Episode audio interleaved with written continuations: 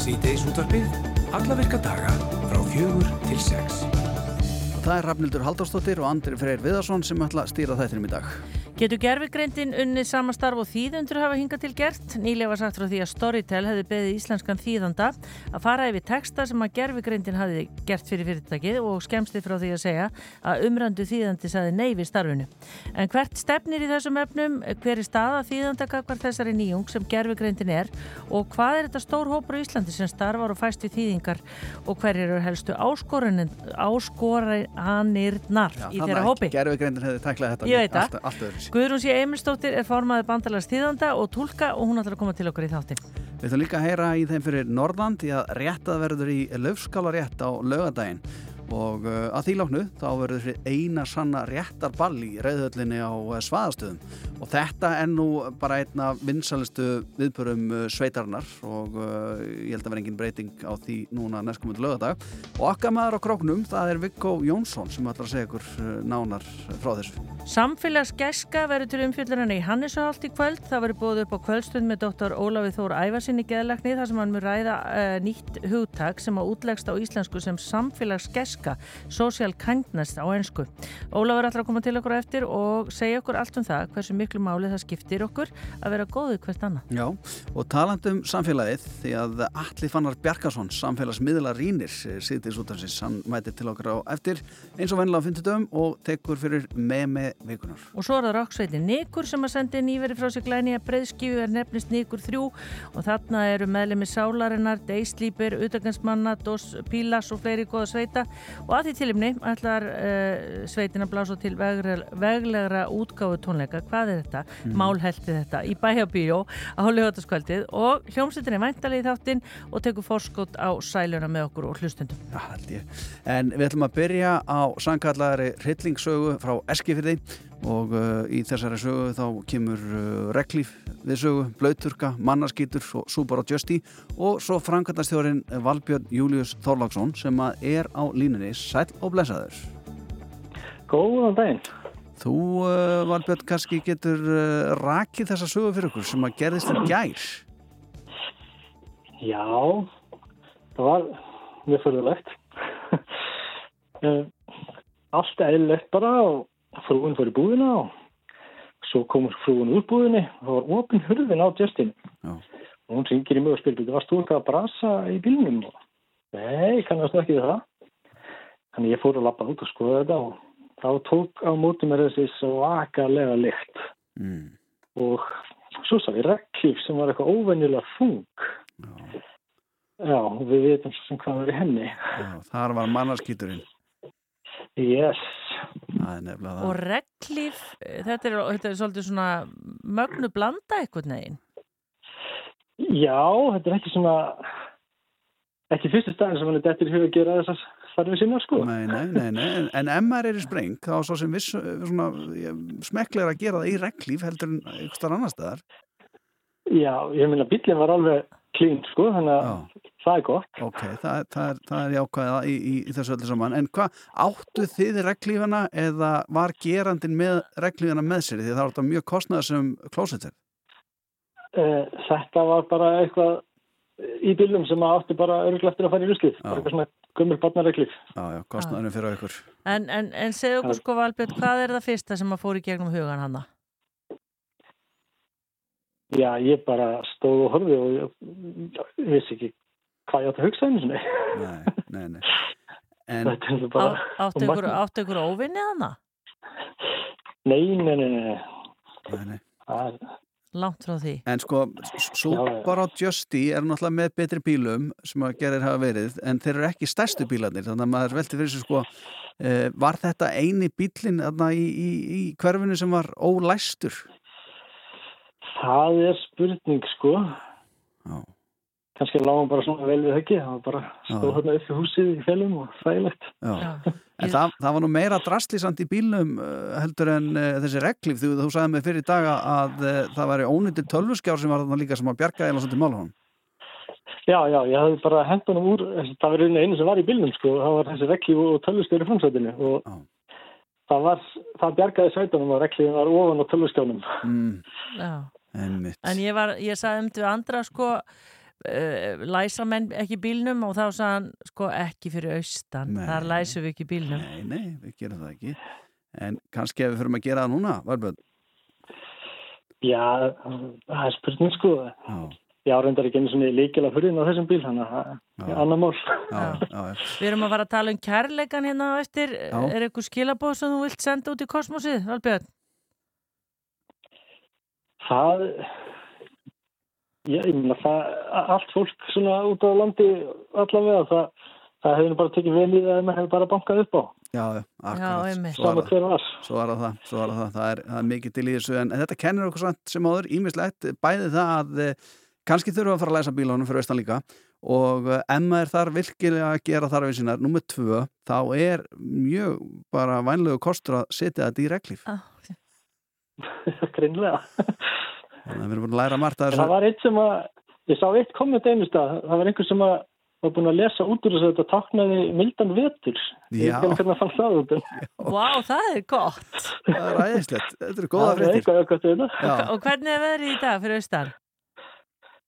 Það það regnir ekki núna allavega, skuldist í fréttanum gett á en það regna eftir. ok, en það er mildt Já, það er bara. Þetta Fallegt sérðu, veður. þetta sérðu Þetta er frábært, eh, gott að þetta endaði vel eh, Valbjörn Július Þorlagsson, nú verður þú að læsa súpar á djöstinum og uh, Já, ég held það. alltaf að hafa eina ónýta reglif í bílum líka, það er vissara með því að Já, það, það getur já, takk hjá fyrir spjallið og góða hvað, hvað er austur.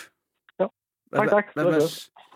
Ég, ég segi bara allt sko. er nú til Já, Andri. já, en- Það er allt til. Fólk samt sem áður bjargar sér. Þegar Já. neyðin er hvað mest, þá bjargar fólk sér.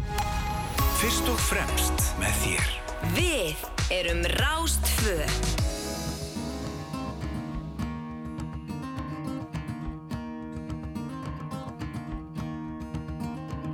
Fuglinn minn úr fjarska er Fögnuð vorsins handa mér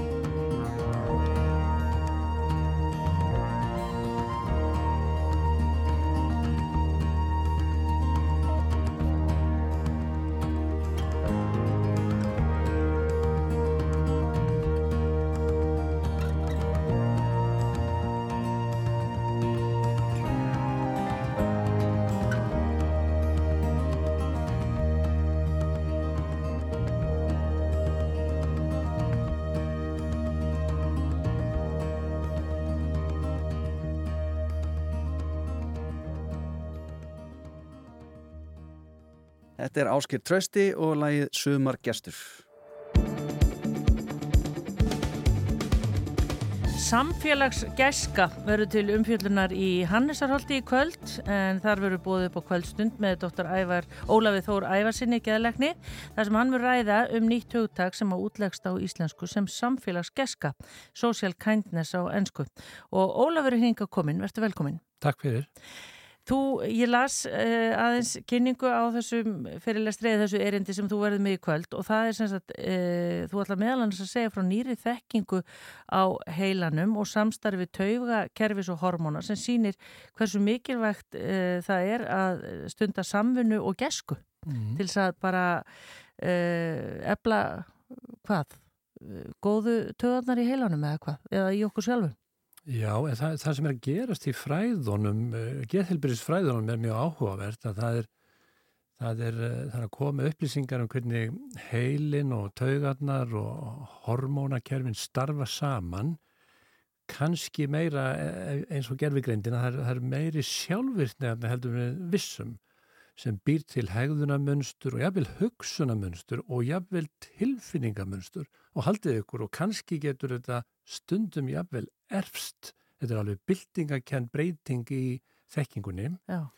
og það hefur leitt til þess að þegar þetta er skoða nána þá kemur í ljósa samnefnarinn í öllum þessum munstrum er að samein okkur, tengja okkur, styrkja okkur í samskiptum, vera betri hvert við annað og þetta er svolítið öfut og gamlu kenningan þannig að maður svo sterkast og frekast í kemist áfram og þetta er að slá í gegn í, í til dæmis hjá stóru háskólanum í bandaríkjónum, þeir eru að opna heilu mótugunnar og rannsóknarstöðvanar sem heitar svona nöfnum eins og Greater Good Center í Berkeley og, og það er verið að fylgja eftir þessari þekking og hvernig getur nýtt okkur hana. Hún er ekki alveg ný en hún er svona blómstra núna ja.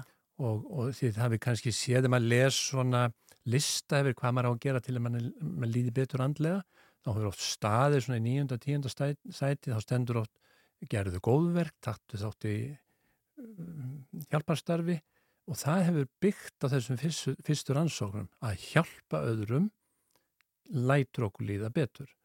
Og sumar af þessum rannsóknum sína að maður smitast, ef maður sér góðverk gert, þá fyrir maður að langa til að gera svipað, ekki alveg eins, af því að smitið er svo sérstætt að maður einhvern veginn á sínum eigin fórsendum finnur út hvað maður geti gert betur. Mm.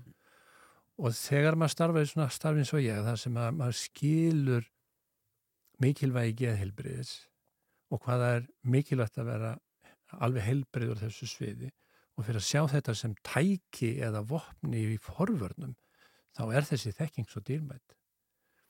Og fyrirtækin sem er að sinna góðri starfsmannahelsu og mannöðs uh, stýringu, þau eru löngbúin átt á þessu og forvarnirnar eru eiginlega komnar út fyrir helbriðiskerfi. Það er komið í hendunar á mannöðsfólki og starfsmannastjórum og fyrirtækjaegandum sem er að vinna markvist í þessu að okkur líti vel og þessi sterkir þáttur í því að styrkja samskiptin. Mm.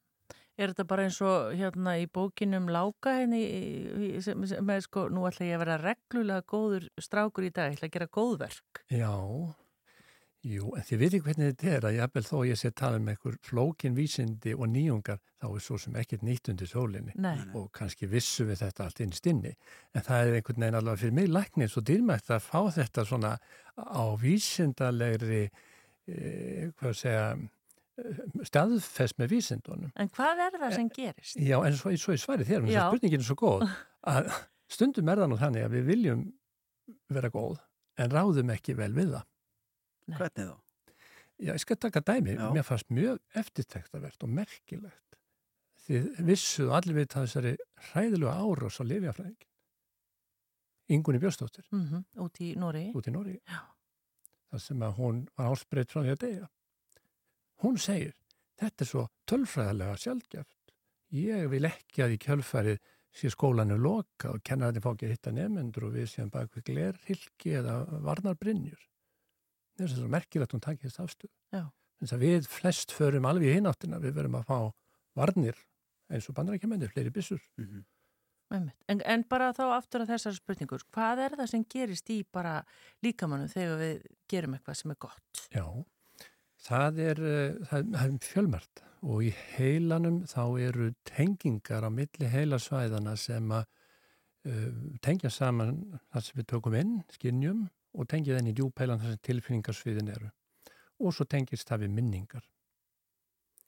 Og þar er komið svona einhvers konar grunnur fyrir það að búa til góða líðan inn í einstaklingnum sem er þá að gera góðverkið og síðan eru hormonakerfin tengd tögakerfinu ná, nánar en við heldum og til dæmis dæmum það ef, ef einhver snertir annan að þá myndast breyting í hormonakerfunum sem er talsveit flókin og hefur það áhrif að maður róast og líður betur og sumað þessum hormónum er ekki bara veliðunar eh, valdandi, heldur þau að líka styrkjandi áhrif á líkamann.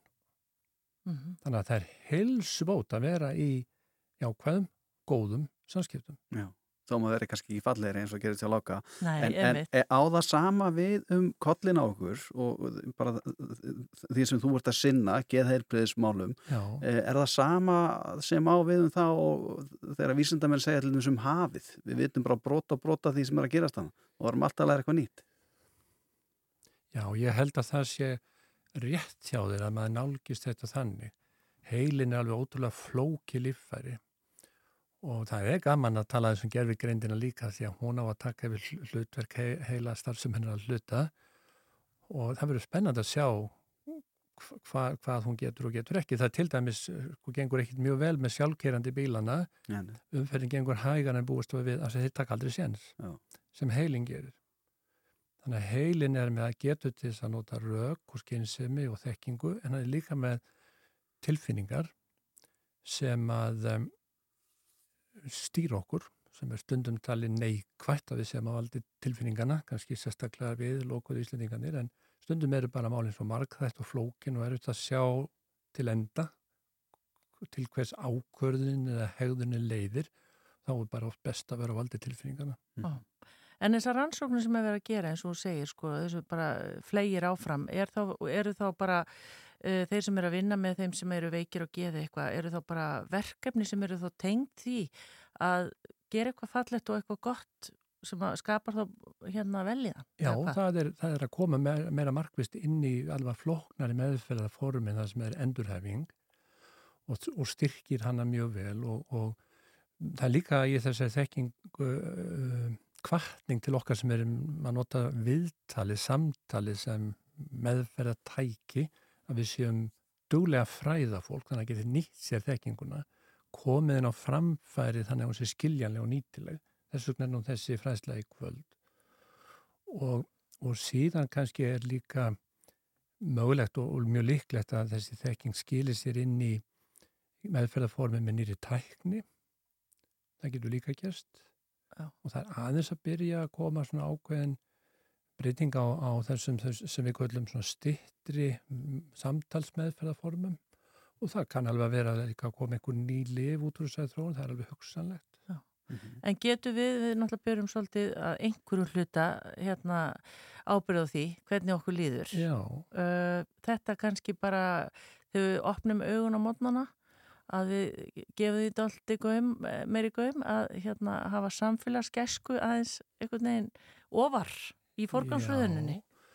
Já, geska finnst mér mjög fallegt og merkilegt orð og, og, og maður það náttúrulega, sumir þurfa líka að hugsa um, um einhvers konar mildiga hvert sjálfum sér. Við erum talsveit gýruð á það að, að, að gera mikla kröfu til okkar og, og ég get alveg trúa því að í framtíðinni kæmi einhvers konar svona heila rektar stöðvar í svona einhverju liðstöð við líkamsrektar stöðvar, hvort sem það gerist nú heima í tölfunni eða hvernig það verður. Mm sem er, er þá kannski einhver leiti ekki síst til þess að vekja okkur til meðtundar og löngunar að hugsa vel um heilan. Heilin er alveg ótrúlega mikilvægur Já. en hann er inn í kúpunni og hann glemist ótt bara. Talandi um svona geðræktunar stöðar Já. Eh, þú er nú eh, stopnandi streitu skólans. Já. Getur þú sagt okkur aðeins á því fyrirbæri? Já, hann er búin að starfa í rúm 20 ár og starfa núna innan uh, eh, helsuvendar sem er þá viðtakari uh, helsueflingar fyrirtæki og streyturskólin er um, sumur þetta er bara Íslands fyrirbæri en hann er líka eftir ellendir fyrirmynd og hann er í raun og fyrst og fremst til þess að gera þetta sem ég var að segja að taka nýjar vel ígrundar upplýsingar úr fræðunum og matreða þær á skiljanlegan hátt fyrir fólk og svo það geti nýtt sér það. Mm. Og við höfum mikið þá gert af því líka, því að það er allir til að tala um streitu. Við nota streiturskólan til að fræða fólk líka um svona hlut eins og sjálfsvig og þunglindi og eh, áfengisvandamál, hluti sem við sjáum að hefur forvarnagildi að, að, að kenna fólk að fræða. Já, það er hérna september er mánuður geðræktar og við erum nú búin að taka hér nokkur viðtöl um þessi mál hér í síðdegisútarpnu og auðvitað er umfjöldin, umfjöldin búin að vera við, viðtak. Eru við að ná að opna augum fyrir því að þetta er alvarlegt mál og við þurfum að tala um það og við þurfum að hjálpa staða hérna, já eins og ég segi að gefa þess aðeins meiri gæm? Algjörlega og þarna hefur orðið meiri breytinga maður kannski átt að segja ef við tölum um læknin og fjölmilamannin þegar ég byrjaði að vinna við svona hluti þá var nú svona eiginlega meld með að þetta væri sem minnst rætt. Og það gerðum við náttúrulega út í samfélagin líka. Nú er orðin opnar umræð líka þöksi ykkur sem við fjallaðum þetta. Og for, altså fordómanir er að hverfa.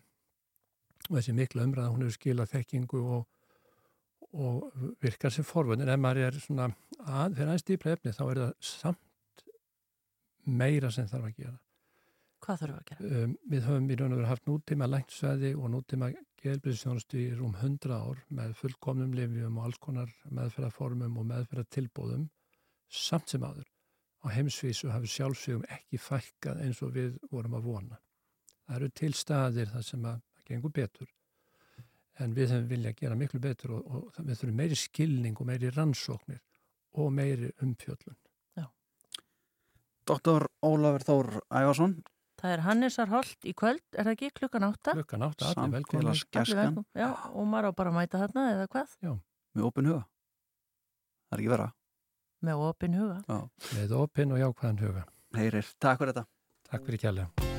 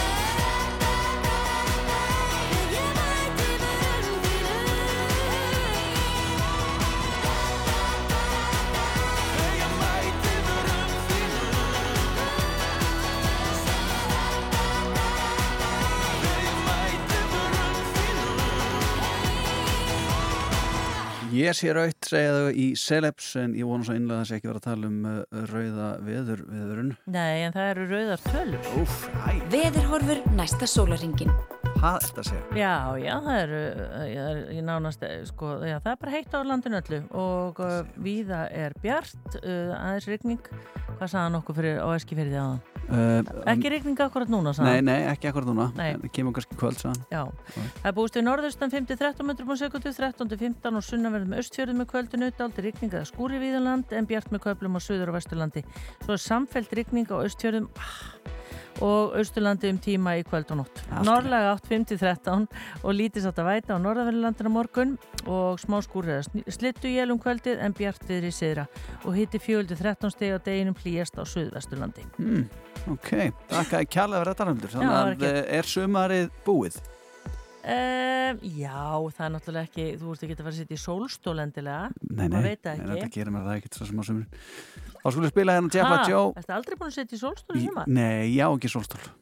Og getur nú farið út með kollin, bara á eldhúsinu. Vissulega, vissulega, Já. gera það næst. Hér er Jabba Joe með lagi Summer is Gone. Og við ætlum að tala við hvað? Út af Við ætlum að fara í ja, ballið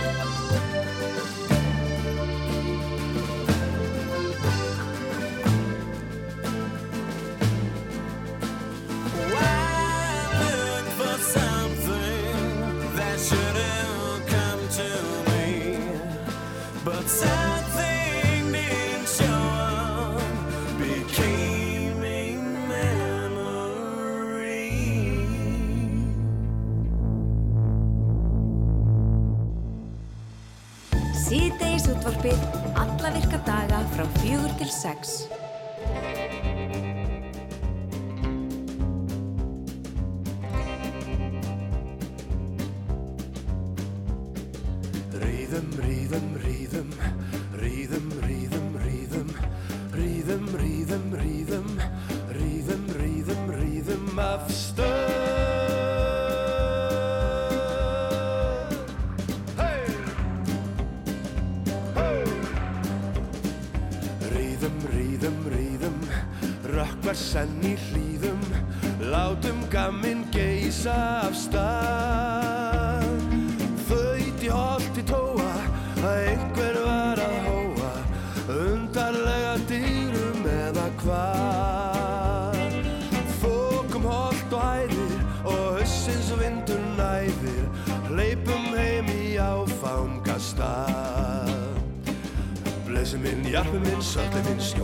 Sokki minn, gráni af stað.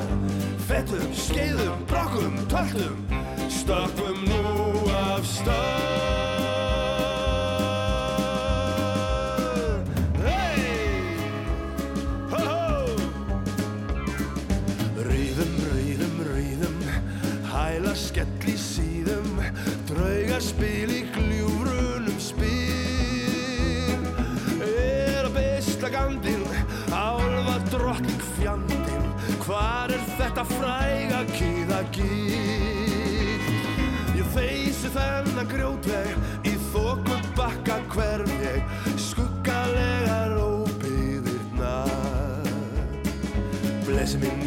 Sörðuninn, snjóðuninn, sokkininn gráni af stað.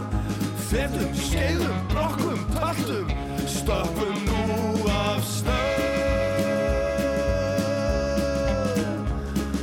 Breðsiminn, hjálpuminn, sörðuninn, snjóðuninn, sokkininn gráni af stað. Fettum, skeiðum, blokkum, pöllum Stöppum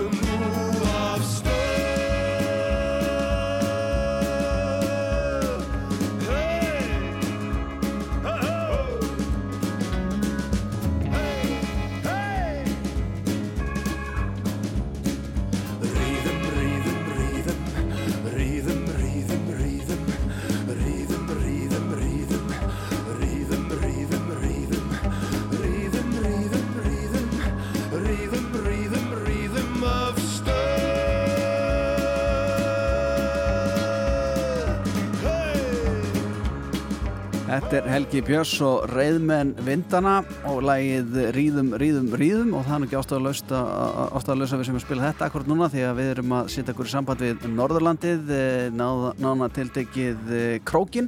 Já, Það verður húlum hæ. um Já, það er nefnilega þessi merkilegi viðbörðu sem er laufskólarétt verður núna, eða sérst rétt að verður í laufskólarétt á lögadaginn og uh, við erum komin í samband við, ekki segja bara talsmann síðdeis út af sinns og króknum, Jú. Viggo Jónsson, komdu sæl og blessaður. Já, góðan daginn, selveri við. Eða þú ert náttúrulega fréttarittarinn okkar hana. ég var mörg ál náttúrulega fréttarittekar þegar, þegar ég var með skíðasvæði, þannig að ég get bara aldrei því áfram, sko. Já, já, nú, nú er þetta komin í rosin, það er bara gott, gott fyrir okkur. Já. Herðu, en segðu okkur aðeins bara svona fyrir til upprifinar. Þetta er auðvitað, hérna, þarna er, er verið að smala hrossum. Já, ef ekki að segja það að þetta sé frægasta stóðrétt landsins, lögskálarétt og, og þar fara skafilski bændur uh, í Hjaltadalinn og, og, og sækja hrossín og reka fjalli í lögskálarétt. Þetta er, þetta er, þeir fara upp í Kolbeinsdal og uh, þetta hefur einhvern veginn skapast, þessi góða stemming í kringum þessa rétt í gegnum árin. Og, og hérna síðan hefur verið smíðað utan um þetta eh, já, svona allslags, allslags fögnuður má segja, sko. Það er nú svona þetta var nú svona uh, ég veit nú ekki hvernig þetta byrjaði í sjálfum sér en þetta var svona alltaf meira og meira og þarna syngja menn mikið og, og, og þegar ég var að taka myndir fyrir sjónvart hér á árum áður og þá, þá hérna fór maður gjarnan í lögskalarétt og, og tók svona myndir af stemmingunni og, og, og þetta svona hefur hlaðið einhvern veginn í kringum sig uh, og undið upp á sig bara í gegnum árin sko. Já. Er ennþá fólk að vesla hross? Já, það ger ég nú fastlega ráð fyrir. Maður heyrir allavega, uh, maður heyrir allavega, allavega eitthvað um það að menn séu að minnst eitthvað eru menn svona spá og spekulera og, og, og svo veit maður náttúrulega aldrei hvernig það endar með, með hérna vestlunna, þú veist hvernig það er að menn, menn gefa á milli og allavega og það er alls slags rosakaup í þessu sko. Þannig að ég ætla nú rétt að vona það að menn hafi ekki lagt það af sko. Nei, en er bara svo, svona til upplýsinga, er þarna á þessu svæði einhvern veginn stærstur hóp, hópur rossa á landinu eða hvernig er það? Ég skal nú ekki segja um það, þetta er, er þetta orðið, þessi fossaegn er náttúrulega orðin ansi, víða og, og, og alltaf að verða vinsalla og vinsalla heyri maður að, að, en, en uh, ég held að það sé kannski ekkit endilega máli hvað þetta er eh, mikill fjöldi, heldur er það bara sko stemmingin að sína sig og sjá aðra í, í þessari í þessari rétt sko. það er held ég aðal málið að, að bara hafa gaman af lífinu. Ég held að ég held að sé ekki aðalega að hafa þessi þennan óskapar fjölda á hrossum. Að það sé ekki það sé ekki endilega málið en, en skafirringar hafa nú gjarnan átt talsett mikið af hrossum og, og, og hérna ég held að að þau séu nú til víða orðið sko en, en ég veit ekki um fjöldan að ég Ég held að við höldum því bara ennþá til haga við skafirringar eigum bestu og flottustu og flestur hossin. Er það ekki, er það ekki hérna svona ekta skafist bara? Jú, jú. Ef þú segir það, fréttaréttan okkar, þá hlýtur það að vera satt. Já, ekki, ekki. En hvað syngja mennina? Við vorum að spila þarna lag með Helga Björns, ég menna er ennþá verið að syngja skál og syngja, hvað er það, skál og eitthvað skagfyrringar, hvernig er þetta skál og syngja skafirringar, Já. skemmt að vanda og gera hitt. Jú, jú, þeir, hérna, ég er alveg klára því að það verið tekið einu sinni eða tvísvar, sko. Já, Og, og hérna, jú, jú, svo er þetta náttúrulega bara undir bláhenni og, og, og allt hvað þetta heitir, skilur. Það er allur, allur, það er allur skalinn, sko. já. Bestu lögin. Og svo, Hérna. og svo er ball, er það ekki í, á svaða stöðum, mér finnst þetta alveg frábært nafn. Já, þetta er, hérna, þeir skýrðu reyðhöllina, reyðhöllin svaðastaðir og það var, það var hérna, eh, sko þetta hefur nú verið svolítið rugglingslegt vegna þess að það er bær sem heitir svaðastaðir líka og, og, og hérna þetta, þetta er náttúrulega, það er hringt svolítið þangað líka þegar það er verið að halda ball á í, í reyðhöllina svaðastöðum. En við eh, ætlum að halda þar mikið og, og staðista réttarball ásins. Við getum allavega sagt það að, að hérna, það sé að þó staðista réttarballi þó að svo að við höfum ekki kannski flestur hossin eða, eða hvað sem að ég hef kannski fært aðeins í stílinn með það. Að þá er þetta allavega staðista réttarball ásins. Við getum alveg haldið okkur við það. Og hverji verða að, Og- að spila þarna? Já, þetta er nú engir, uh, quizar sem þarna verða. Þetta verður nú byrjun á hljómsveitinni von og, og Sera Bjössa og síðan verður þarna MC Gauti og, og Dilljá og svo rekkur Sverri Bergmann uh, og Albatross uh, lestina. Það er nú engin, þannig að þetta er nú engir aukvisar þessir, uh, þessir skarvar sem þarna verða Nei, og, og, og hérna geta tekið og ég trú að því að það verður tekið hauslega á því hérna í söng og Já. gleði Já. Þá segjum við bara góða skemmtun við gó og þú ert búin að semja og þið við veðuguðuna og við bara vonum að þetta gangi allt saman vel fyrir sig í löfskólaréttinni á, á lögadaginu og góða skemmtun á ballinu. Ég, ég get sagt þér það að þannig eru veður í skagafyrði að það er ekki til slæmt veður bara illa búin Já, hérna, Viggo, við heyrðum svo illa í þér, sambandi er að slitna en uh, kjærlega fyrir og góða skemmtun. Góða skemmtun. Sömurinn. Ljúa ímanda fólk út á landi.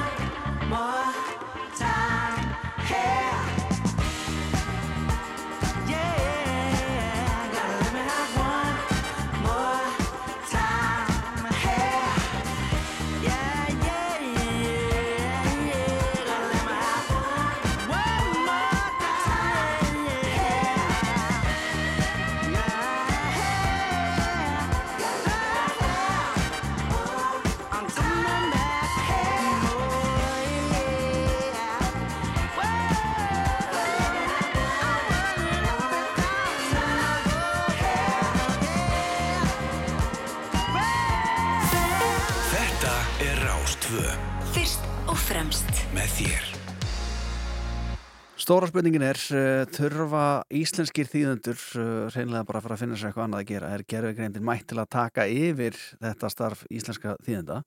Það kemur ljóseinar eftir eftir. Við ætlum að gafa nánar í sömman á því með Guðrunni sé Emilsdóttur.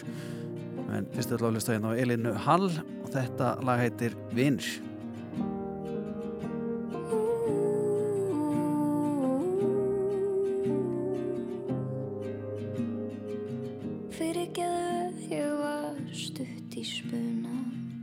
Held ég hafi ekki heyrt spurninguna. Ég á það smá til er ég horf á þig.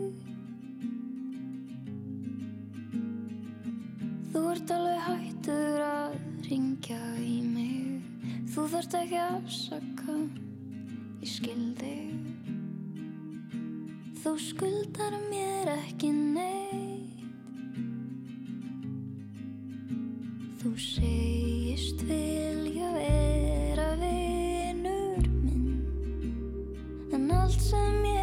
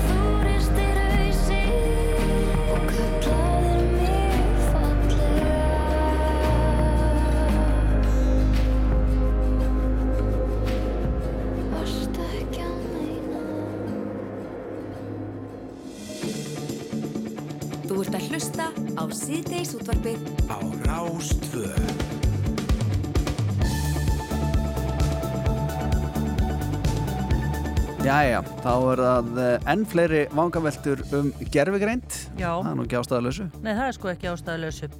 Við uh, spyrjum að því hér getur gerfigreindin unnið samastarf og þýðendur hafa hingað til gert því að nýlega var sagt á því að Storytel hefði beðið íslenskan þýðanda að fara yfir texta sem að gerfigreind hefði gert fyrir fyrirtækið og það er skemst frá því að segja að umrættu þýðandi sagði nei við þessu en uh, hvert stefnir í þessum efnum og hver er staða þýðanda gagvar þessari, já,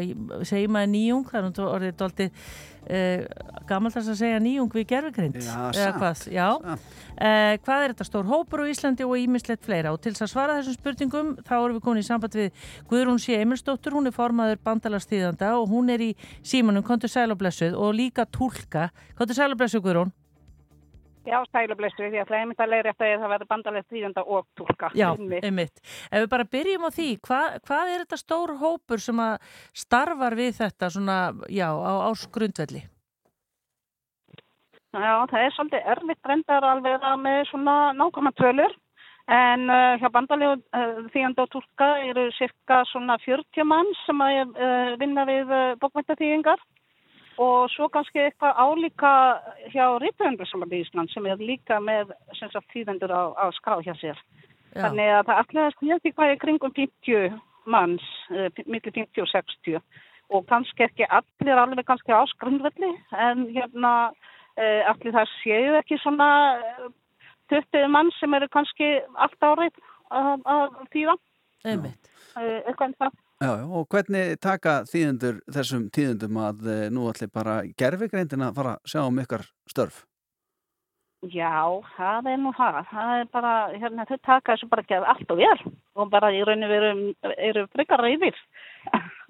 að því að það er svo margt hérna sem kemur hérna uh, inn í, sko. Það er verið að bjóða fólkið meðal ennast að, að hérna, fara yfir vélþýðingar og læra náttúrulega kaupið fyrir svipaða ef ekki meiri vinnu. Og uh, þar, þar fyrir þann er sem sagt að vélþýðing aldrei sama og mannleg þýðing þannig að það er ímislegt hérna sem að þarf að skoða sem Já. er ekki alveg uh, sem við erum ekki alveg satt við. Nei, en ég meina að þetta er á ákveðin, já, ákveðin listgrein, þú ert ekki bara, þú snarar ekki texta bara beint yfir á annað tungumál, þú þarf að setja þið inn í aðstæður og, og skrifa þetta með tilliti til bara söguþráðarins og svona, ég meina, maður ímynda sér sko, fer það ekki allt um leið og þetta komið í gerfigreind, eða verður, ég meina, hva, hva, hvaða skoðan hafið á því? Já, það, það er nefnilega mális og ég, alveg, það er alveg rétt sem hún segir og það er, þetta er ekki, við lítum þetta sem uh, sköpunarverk vegna þess að í raun og veru erum við að setja okkar uh, sagt, me merkingu, okkar orðfæri, okkar, uh, það, það þarf að, sagt, uh, virkilega að gera hlutina vel þannig að það skili sér hérna andi frumdagstans. Þannig að, já, það er bara alveg rétt hjá þér þetta er sköpunarferli í raun og veru. Þetta er sköpunarferli og við erum, samkvæmt lögum, þá erum við sem sagt eh, höfundar okkar þýðingaverks. Já. Þannig að um, við höfum í raun og veru sömu réttindi og reyndurundar í sjálfur þér. Mm Guðrún, þú ert, höfum, já, já, þú ert formaður bandalagstíðenda og túlka. Hvað segja túlkar Já. um þessi tíðindi? Nú hljóta, hljóta þeirra að fara að hugsa að byrja hvað er það bara gerfigreind að fara að leysa okkur af líka? Já, sko ég uh, verða við, viðkynna það að það hefur ekki verið eins mikið rætt við meðal tólka. Þetta er kannski ekki alveg komið á það spil en það þar.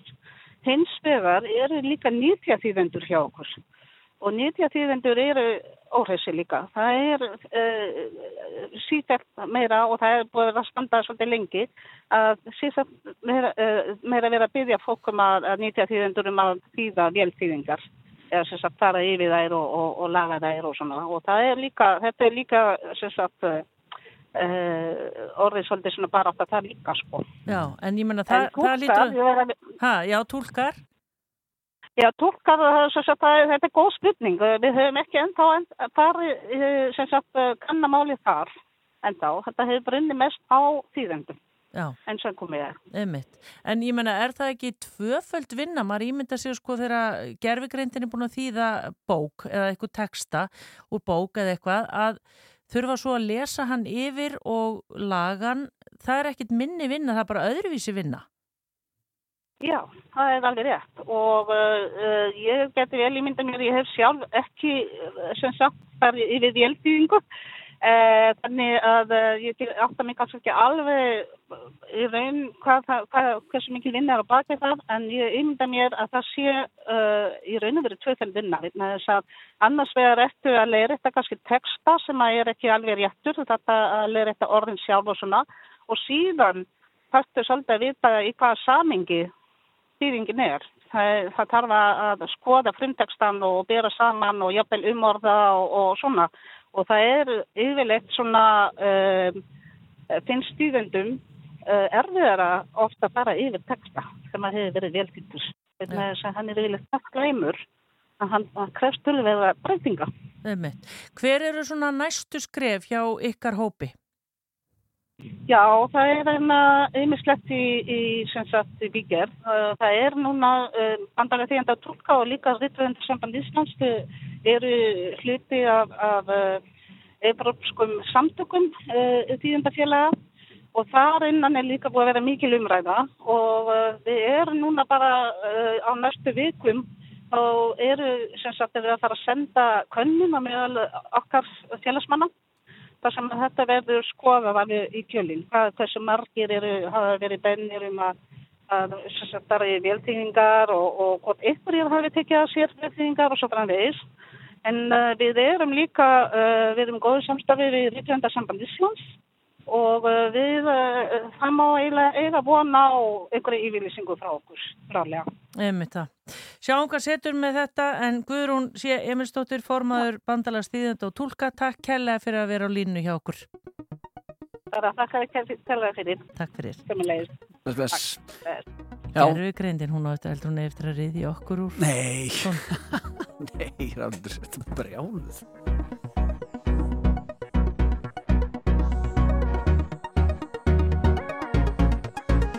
Það er skrítið að segja Því ég var að sjá þig í fyrsta sinn En samt einhver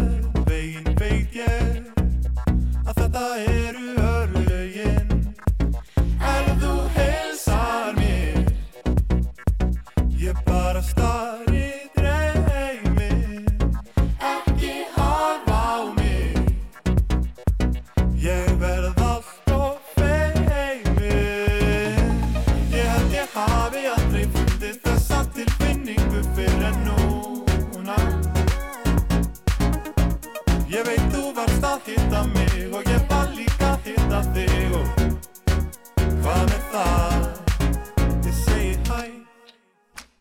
tíminn stendur í stað. Er búinn að gleyma hvernig samræður virka. Þú segir hæ aftur og ég ætla að opna munnin en þú stoppar mig um leið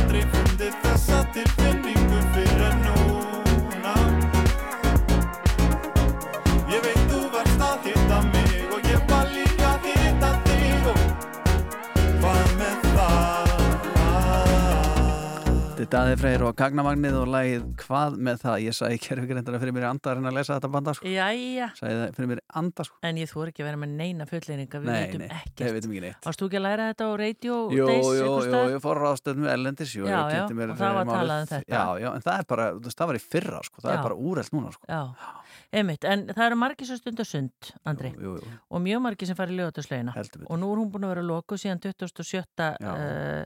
fari í lögaturslegina og nú hún búin að vera loku síðan 27. Eða semst, hún er loku frá með 27. september Já, já. og ég var um að sjá hérna að það stendur hérna botninum náð, Já. það semst bara starfsmæður lögarinnar sem er að lappa á botninum og því að vatnið er farið úr Já. en þetta er ekki þannig að þú takir bara tappan úr og láti bara vatnið uh, fljóta í burtu, en þá losna flýsar þetta að gera þetta mjög hægt Akkurat. En uh, það er semst verið að þrýfa og laga og gera og þeir þú erum nú ekki að segja nákvæmlega hvena það verið búin að þessu. En hvert ætli fólki farið þá í sund á meðan? Það er bara lítur að fara í sundöllina eða getur farið bara í eh, Það er nóg af sundlaugum Já, gó, allavega. góð lög í Árbænum, frábælög í Mósesbæ Já. e, Svo náttúrulega hérna, Vesturbælögin og það er fullt af sundlögum Svo Hafnafjörður, hann er lúskur Já, Hann nóg til sko Já, já. En starfsmenninni tóku sjálfu að sér í tómri lauginni. Örgulega draumur allra sem vinna þannig bara, Já, ég bara geta staðið á sko, botninum. Náttúrulega utan á landi sko og það var svona einu svona árið það var semst, gólfið tekið af Já. Þar var tóm sundlögin sko ah. og það var svo mikil viðbörður Þú gleymir þess ekki. aldrei nokkuð tíma Nei. sko. bara sjá fullan á fólkið sem að það örugglega svona 18 ára taka gólfið af og bara stíga á botninum og sjá þetta það Já. er ótrúlegt sko. En á talandi um eitthvað ótrúlegt á tónlistaratrið vantalegt en til eitthvað því að hljónsveitin Nikur var að senda frá sér sína þriðu plötu. Og þetta er supergrúpa. Og uh, hérna bara fyrir utan hljóður í okkur þá býður sko Guðmundur Jónsson sjálfur sem er nú alltaf verið kent við sáluna gummi í sálinni. En hann er það ekki lengur, hann er gummi nikur eða GG Blues eða hvað, hvað sem við kalla það, það er nóg að gera. eh, en það eru fleiri meðlemið í þessari sveit því að það eru meðlemið utakarsmanna, Dós Pílas, sérsveitirannar og fleiri og fleiri. Þannig að við ætlum að ræða við eh, Gumma Jóns hérna og einnig hann eh, Davíð Þór Linsson, gítalagara sem var meðal annars í eh, mögnuðu íslensku sveit Dós Pílas Dós Pílas Dós Pílas, veistu hvað þýðir? Pí, nei Tvö batteri Nú. eh, Já, já, en þeir eru með tvo gítara hérna fyrir utan og Mikið tungumála séni Ha, Já, ég veit að endur sko, fyrir mér í anda hann að lesa með það, sko, það Nei. Þú ert að hlusta Á síðdeis útvarpið á Rás 2.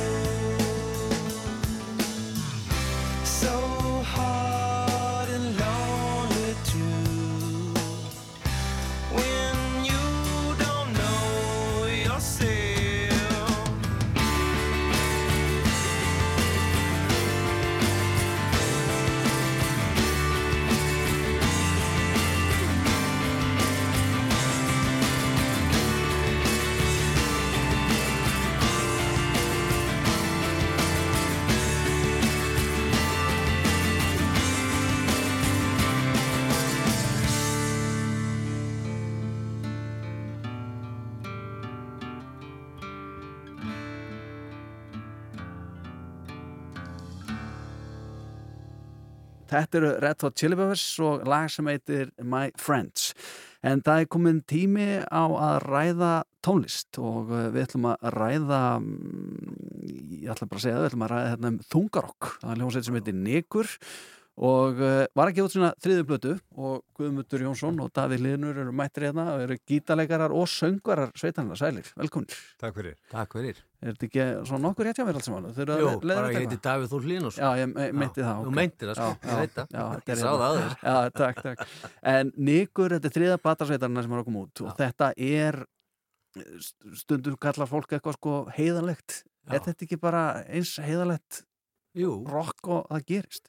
Það er bara lagt upp með að vera heiðalegur allan tíman og hérna, þrjár plötur og ákvæmt með tónlistinu sem við fílum persónulega. Þannig að. Það er ekki hægt að vera meira heiðalegur en það. Já. og gummið þannig oft verið að poti í því að náttúrulega gummi sálun allt þetta en samt svona mikill svona rockari inn við beinið Já, þetta hefur nú alltaf verið rauður þráður svo sem í minni tónlist, sko, rockmusík frá því ég bara byrjaði að spila á gítar, sko. Mm. En þarna svona leið maður sér að fara bara allar leið og, og þetta við byrjuðum á þessu 2013 og það var nú bara ástina á gítarnum, bara allt í ellu og, og vera heyrnarlaus eftir daginn, það var nú það sem út af þetta gekk. Svo langaði okkur að, semja svona músík með svona bara klassist rock. Og þetta var svo gaman og okkur gekk svo vel að vinna saman í stúdíó og semja saman. Þannig að þetta eru þrjár plötur. Það er magna. Það er magna? Já, það er alveg magna og nú að fagna þriðju blutinni í Bæjabíói núna á lögadaginn kemur Já, heldur betur. Við ætlum að, að, að já, eins og séum, við vorum að gefa þriðju plötuna og um, það verður útgáfi tónleikar í Bæjabíó. Mhm. Og við ætlum að flytja hana alla og, og svona uh, lög af fyrir plötunum Mhm. og einhverja svona ábreyður sem tengjast okkur líka. Já. Þannig að við lofum uh, rockvislu. Já, engi spurning. Já, eh, Gumi, eh, svo höldum okkur aðeins við að pumpa upp úr þér svörin hérna, en, en þegar að sko sálinn hættir lóksins, þá er svolítið eins og að þú loksins verðir frjáls og fáur að, að gera það sem þið langar að gera. Og ég meina að þú ert að spila til dæmis bara í, í duetnum sko GG Blues uh, og það er heldur betur rockvasta líka, það verður tveir félagarnir bara trómur og gítar og söngur. Og það er þetta líka að taka svona lög sem þú greinilega elskar og sem er svona í rockari kantinum Já, já, já, algjörlega. Ég hef nú reynt að hafa það fyrir reglu að gera bara það sem ég langar til að gera, sko. Og ég var ekkert svo sem ekkert hérna, fegin að sálinn hætti. Ég var drullu fúlli við því að, að bandi skildi hætt og allt það, skilur. En hérna, ei, það var svona fyrir nokkrum árum síðan þá bara, það var svolítið svona, þá fór ég að spá í bara, hvað, akkur fór ég í tónlistina, sko. Það var þetta gítar og það var þetta rock og það er engin þörf hjá mér að reyna eitthvað að slást við ykkur að vinsatalista og svona lengur og maður er þetta orðin bara meðaldra kall og nú langar maður bara til að gera það sem maður hefur gaman að Mm. og það er gaman að vinna þetta aðalega þetta er líka ferlið eins og ég og Dabbi við erum báðir svona stúdíóróttur nennum að hanga yfir gítarsand eða hann aðalega, hann fann nú allir sér gítarsand en svona að hanga yfir þessu allan daginn og það er svona ferlið er svo skemmtilegt sko. Mhm. og svo er þetta væri aðeinslegt ef ykkur hefur gaman að þessu líka það er bónus sko. og maður svona heila þvær sig alltaf þegar maður klára plötuna í, í svona dimmum bílskúrum sko, að maður er bara algjörlega fullvis að öll þjóðin býði andakt eftir þessu plötu Mhm. en svo yfirleitt þá er það nú önnur raunin Já, en kannski núna Já, er þið búin að í stjórnarspána? ekki alveg Nei. við erum ennþá svo hátt uppi en, Já. En erum að lenda svona og en, en svo er þetta líka það að spila live í góðu bandi, við erum með mjög gott band með okkur í þessu Magnús Stefánsson hérna utangarsmönnum og, og Ego er á trommum Já. og Jónsi, Jón Svanur sem var með okkur síðustu plötu líka er á bassa og þetta er þrjusugengi. Davíð, eh, svona svo við reyðum að þessu upp hvaðan þú kemur. Þú uh, varst náttúrulega í ljónstinni Dos Pilas á sín tíma. já. Uh, varst ekki líka ljónsveit sem að hétt Sérsveitin? Jú, heldur betur, maður. og svo varstu í Buttercup líka. Já, já. Og svolítið í, í börlunum þar, svolítið eins og gummi. Já. En það er alltaf með þessar ballhjónstir. Það er alltaf svona einn eða tveir metalhundar sem að villast inn í þann bransa. Já, já, var maður var það að prófa hvar peningunum var sko. Já, já. Smá stund, Já, svo lengtist aðeins í þessu. Já. Ertu ennþá að lifa að deginum frá Buttercup? Já, já, heldur betur. Ekki. heldur betur, maður, það er nýr bíl að hverju ári. Já, Það geggjað. er reynsróður bara í næstu, á næsta ári. Það var að koma sér í band maður. En hvað, þegar þið segir sko þetta fylla líka upp í með svona lögum sem að ykkur þykir vendum að haft áhrif, hvað, hvað er það að tala um þar? Þetta var svona sko þetta er auðvitað svolítið kannski áskorun að að sitja svona heilt gík kannski með músík svona sérstaklega svona útgáðu tónleikum sem fólk kannski er ekki alveg búin að drekki svona það var eins og uh, Palli hérna sem reykur bæjabí og það er svona veluna fólk fyrir að koma Mm. með ykkur sem það þekkir en við erum að taka hérna íslenska rockhunda sem við bæði tengjumst og ekki við ætlum að taka hérna til dæmis hvað er draumurinn með sálinni og ég og Maggi Stef við trómum það, eða hérna spilum það nú Já, já. og uh, svo tökum við lag sem heitir uh, Fjöllin hafa vaka Já. sem Magnús kom líka að og hérna og henni var eiginlega eini trómarinn á í lífaldinu sem getur spilað þetta lag skamanlust og svo tökum við lag sem við fyllt okkur alveg frá við byrjum, það er hérna Í kirkju, með Friðrik. Já, já, Eitt besta rockla sem að Já, er svona út á Íslandi. Já. Þannig að Einstaklega gaman að spila það líka. Já, ég trúi því. Jú. Ég trúi því. Það er gana spilt stöf. Já. En hvað með Better Times? Myndu að spila, takkið það ekki Nei, það? Það er á ennsku, sko. Það það er í spannað að vera með eitthvað svona ennsku. Er það, Gumi, látt ekki svona, þú hefur sett það á reglu. Tökum hérna, hvað hva, hva er drömmurinn? ég var alveg gladur að taka það. Já. Ég var nú, við kynntumst nú það ég og Dabbi, hann gaman að segja frá því að ég var upptökustjóri á. Er það? Báðum? Já, það ekki? Jú, ég var fenginn hérna útgáfinni, Jónatan Garðarsson, hérna, hann var þá að vinna hjá Steinum Já. og fekk mitt í þetta og það voru svo sem ekki allir yfir sér hrifnir í bandinu. Jú, jú, varum alveg sjöndæfni með. En uh, við gerðum hellinga góða stöffi saman og þá bara mitt hjó ég eftir hvað Dabbi var í klár lagarsmiður og gítarleikari og þannig að þetta var auðvelt að byrja saman aftur þegar við byrjuðum með þessu sko. Gekja. Strákar, eh, hvað ætla að spila fyrir okkur? Það er nú það erfið að við að lögin okkar á nýju blöðunum er svolítið löng. Já, já. Þannig að við ætlum að búin að taka hérna eitt kapla úr einu lagi. Mm. Lagið heitir í spennutregi hugans. Og við ætlum að taka, hvað, að sé ekki helmingurinn á laginu, cirka. Jú, svona, sem er svona burðast Sem er kassagítar hægur, sko. Mhm. og, þetta, og ég má kannski segja frá þetta heitir nú í spenni triðu hugan þetta er svona við erum með svona konsept á þessum plötum sko. fyrsta platan var eh, svona konseptið eða svona undirliggjandi þráðurinn var glíma við Guð fjallaði svona um syndaflóðið Mm. og önnur platan var glíma við aðra menn fjallaði svona stríð og, og viss og þriðja platan er svona glíma við sjálfan sig og sjálfið sko. það er þunglindi og geðviki Mjög bjarstur og skemmtileg textar. Á milli. Já, sko, svona hefur... Ég hef mitt að... En það er alltaf bjarsýnis þráðuröndin á milli. Sko. En þegar maður er að búið texta fyrir svona hard rock, þá er ástin og lífið ofta ekkit það fyrsta sem mann er eftir í hug. Nei, nei. Ég segi bara alltaf að Gumi færði ljónum með þín aðeins niður Já. og uh, Dabbi, ég held að þú sé bara toppmálum þetta kemur allt í ljósi á okkur hérna ég segi bara það svo vel Þór. Takk að þér.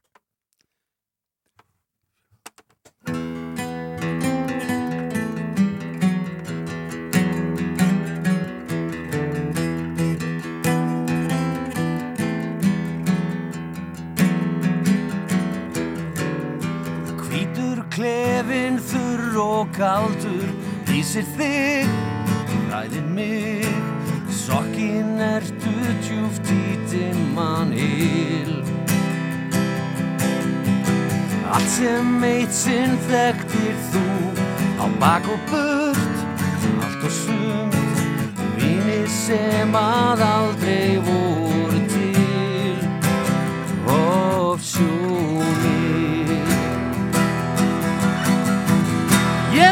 það nú hvað gengur á?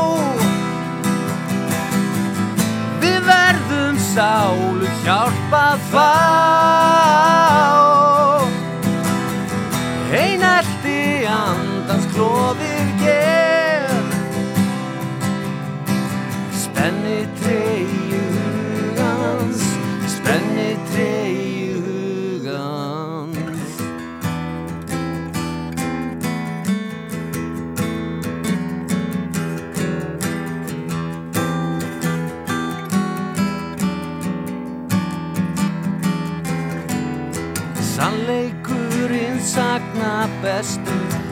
Sýnir sig, nægir mig Veikur ert á sinni ráðalaus. Hér er korki samsæri Við svika ráð, valda rán Aðeins heila spunin endalaus. Vægðalaus Ég veit það nú gengur á. Við verðum sálu hjálpa þá Einn eldi andans klófið gerð Spenni treyju hugans Spenni treyju hugans Spenni treyju hugans dag og nóg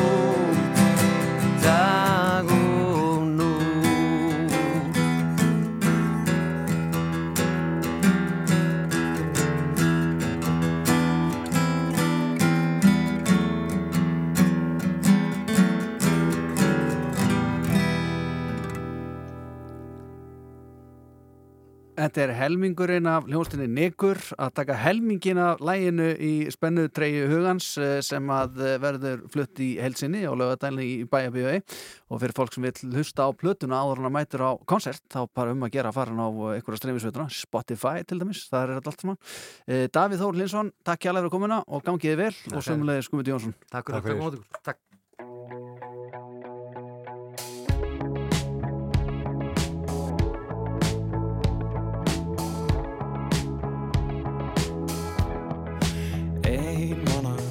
Samt fleir en ein dama Ást sem kemur og fer Til í raun hvað sem er. Fun heitur, sambönd er mitt eitur. Sést vel á samskiptum Til raunir gang ekki Sem er hvað það er sem ég get lagað. Því það er eitthvað sem að ég eyði lagt. Jarðaður að eðal kvendi Skrifa smá skilabóð Teka mér mynd og sendi. Það er eitthvað hjartan í mér Það heyrist auka slag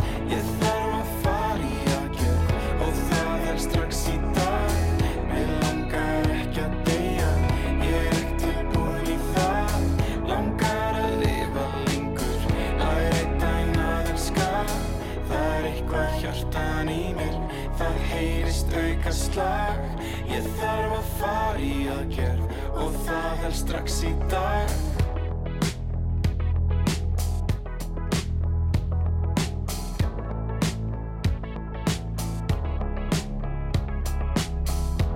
Ætla ég hinga Eða fer ég þanga Erfitt að segja til Í miðju stjórnleysi. Fastur í lúpu eins og hart teknólag Langar að elska en er ófær um það. Þrá að þrá. Langar að langa. Ég er eins og babúska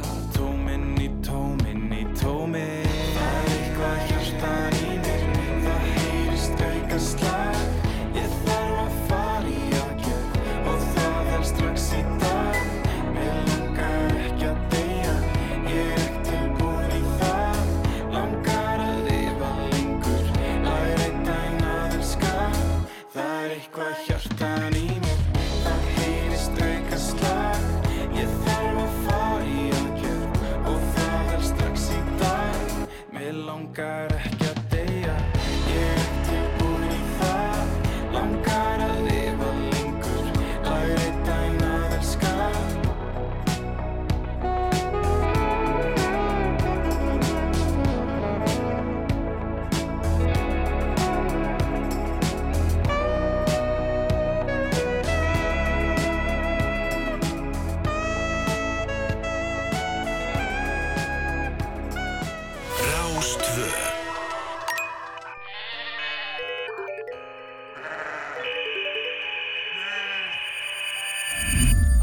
skildi nú vera í gangi á samfélagsmiðlum uh, hérna á Íslandi og ég bara um allan heim, hvað skildi vera með með vikunar?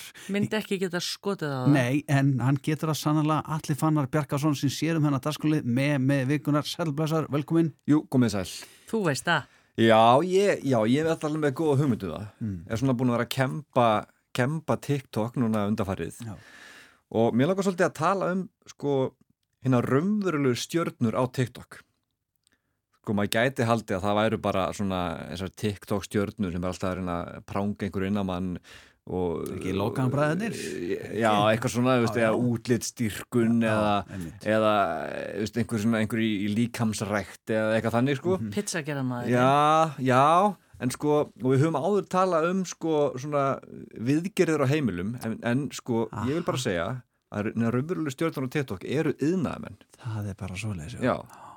Þú varst búin að liggja svolítið í þessu þegar þú varst að mála, mestu? Já, ég var að því. Línan. Og það, já, einmitt, og þá fór ég auðvitað að fá þannig efni og svo er ég búin að kafa svolítið út í, onni í þetta og það var, Mm. þannig að ég var auðvitað svolítið mikið að sjá að svona fólk, venjulegt fólk að gera eitthvað svona venjulega hluti en yðnaðamenn, sérstaklega svona í bandaríkjunum eru rosalega duglir að nýta sér miðlinn til þess að svona bara vantilega er loka markmið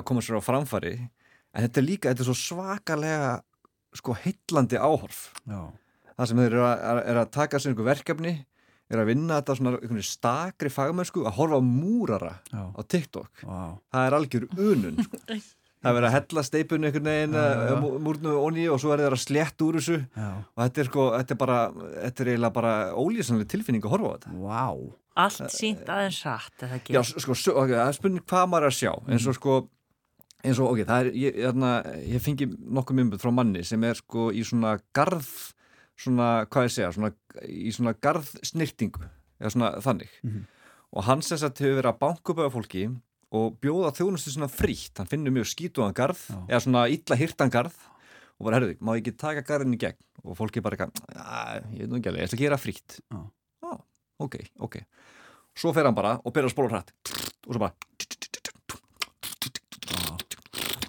og bara er að snirta sko, sjá þarna þú veist, milli stjettar og, og grass einhvern veginn og ma maður sér þetta svona þarna, lagast bara alveg ótrúlega hrætt þú fer og, þarna, smúlar planið og reytir arfa bara Klippir hekkið. já, já, klippir hekkið. Og þarna, þetta er svo ótrúlega flott og svo klárar hann garðin og eiginlega gríni við þennan aðgang er að hann fer svo, fer, segir sko, þið verðið að sjá viðbröðun við þarna þessu sem að ég gerði. Og maður býst við að fólki sé bara, bara eins og í hann á Extreme Home Makeover í gamla dag, bara oh my god, fara að gráta og eitthvað, Já. en það er alltaf bara eitthvað Hörru, þakka þér fyrir þetta. Er svona lítil viðbröð en maður er bara, wow, þetta er svo geggja þannig er svona hraðspólun. Já.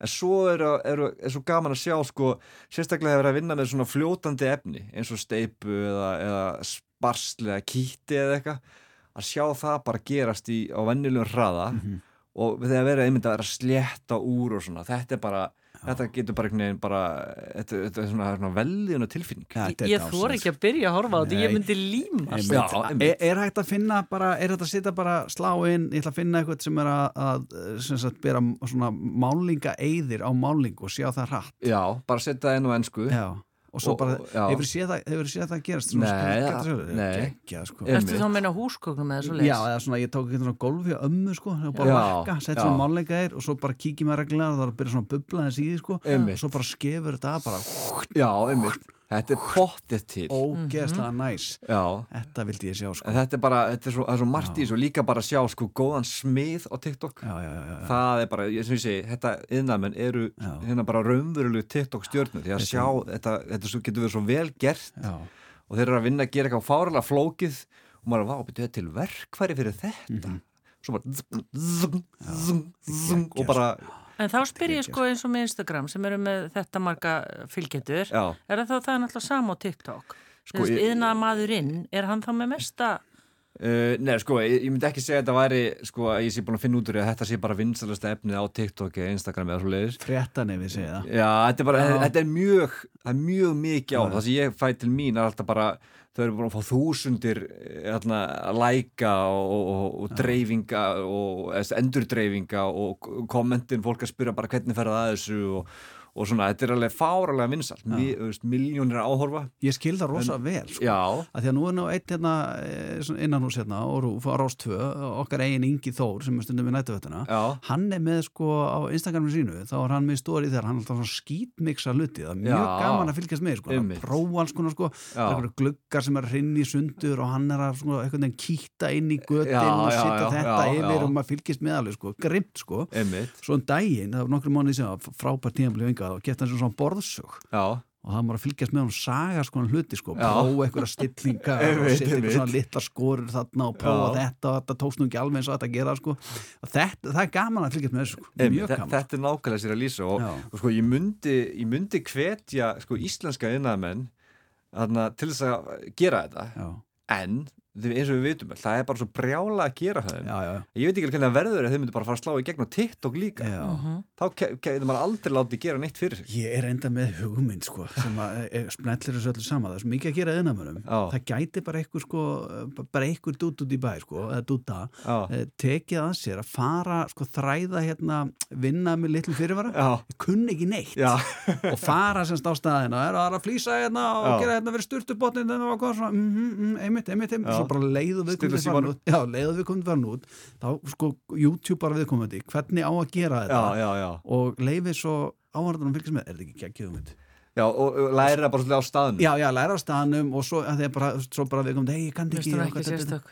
Sko, ég Þú- held Þú ert svo gömul Ég held Við reyndar krakkanir, við höfum gaman að þessu Ég held reyndar, svona með að ég umræða sem ég sé henni vinna með litlu fyrirvar á Facebook sem er stórkvæslegur hópur þá held ég að fólk sé hreinlega að þessu já, já. Það maður hefur séð sko að ég fekk hérna múrara, hvað er í gangi henni það maður verður að muna að fá sko löggilda Ég Það hef er- lent í þessari greiði sko. Já, það getur verið Flýsalegja svakalegt. bað sko. Já. Bað herbyggi sko Svo kemur hérna eitthvað með eitthvað rosa verkar að kistu og í púðabúsum er alveg, ok, þessi kann þetta. Er ég bara, þú læsir bara eftir og sjáist bara hérna eitthvað. Svo kemur maður, já, þetta er næs. Svo bara leið og fyrsti gesti kemur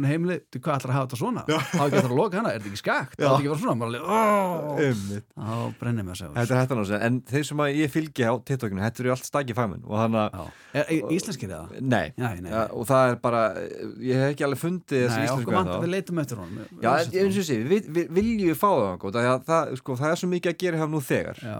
það, ég held að sé svolítið harðari heimur á núti Mhm. að koma þér á það bara, þú ert bara, þú kanta eitthvað þú ert- góður smiður, löggildur Já.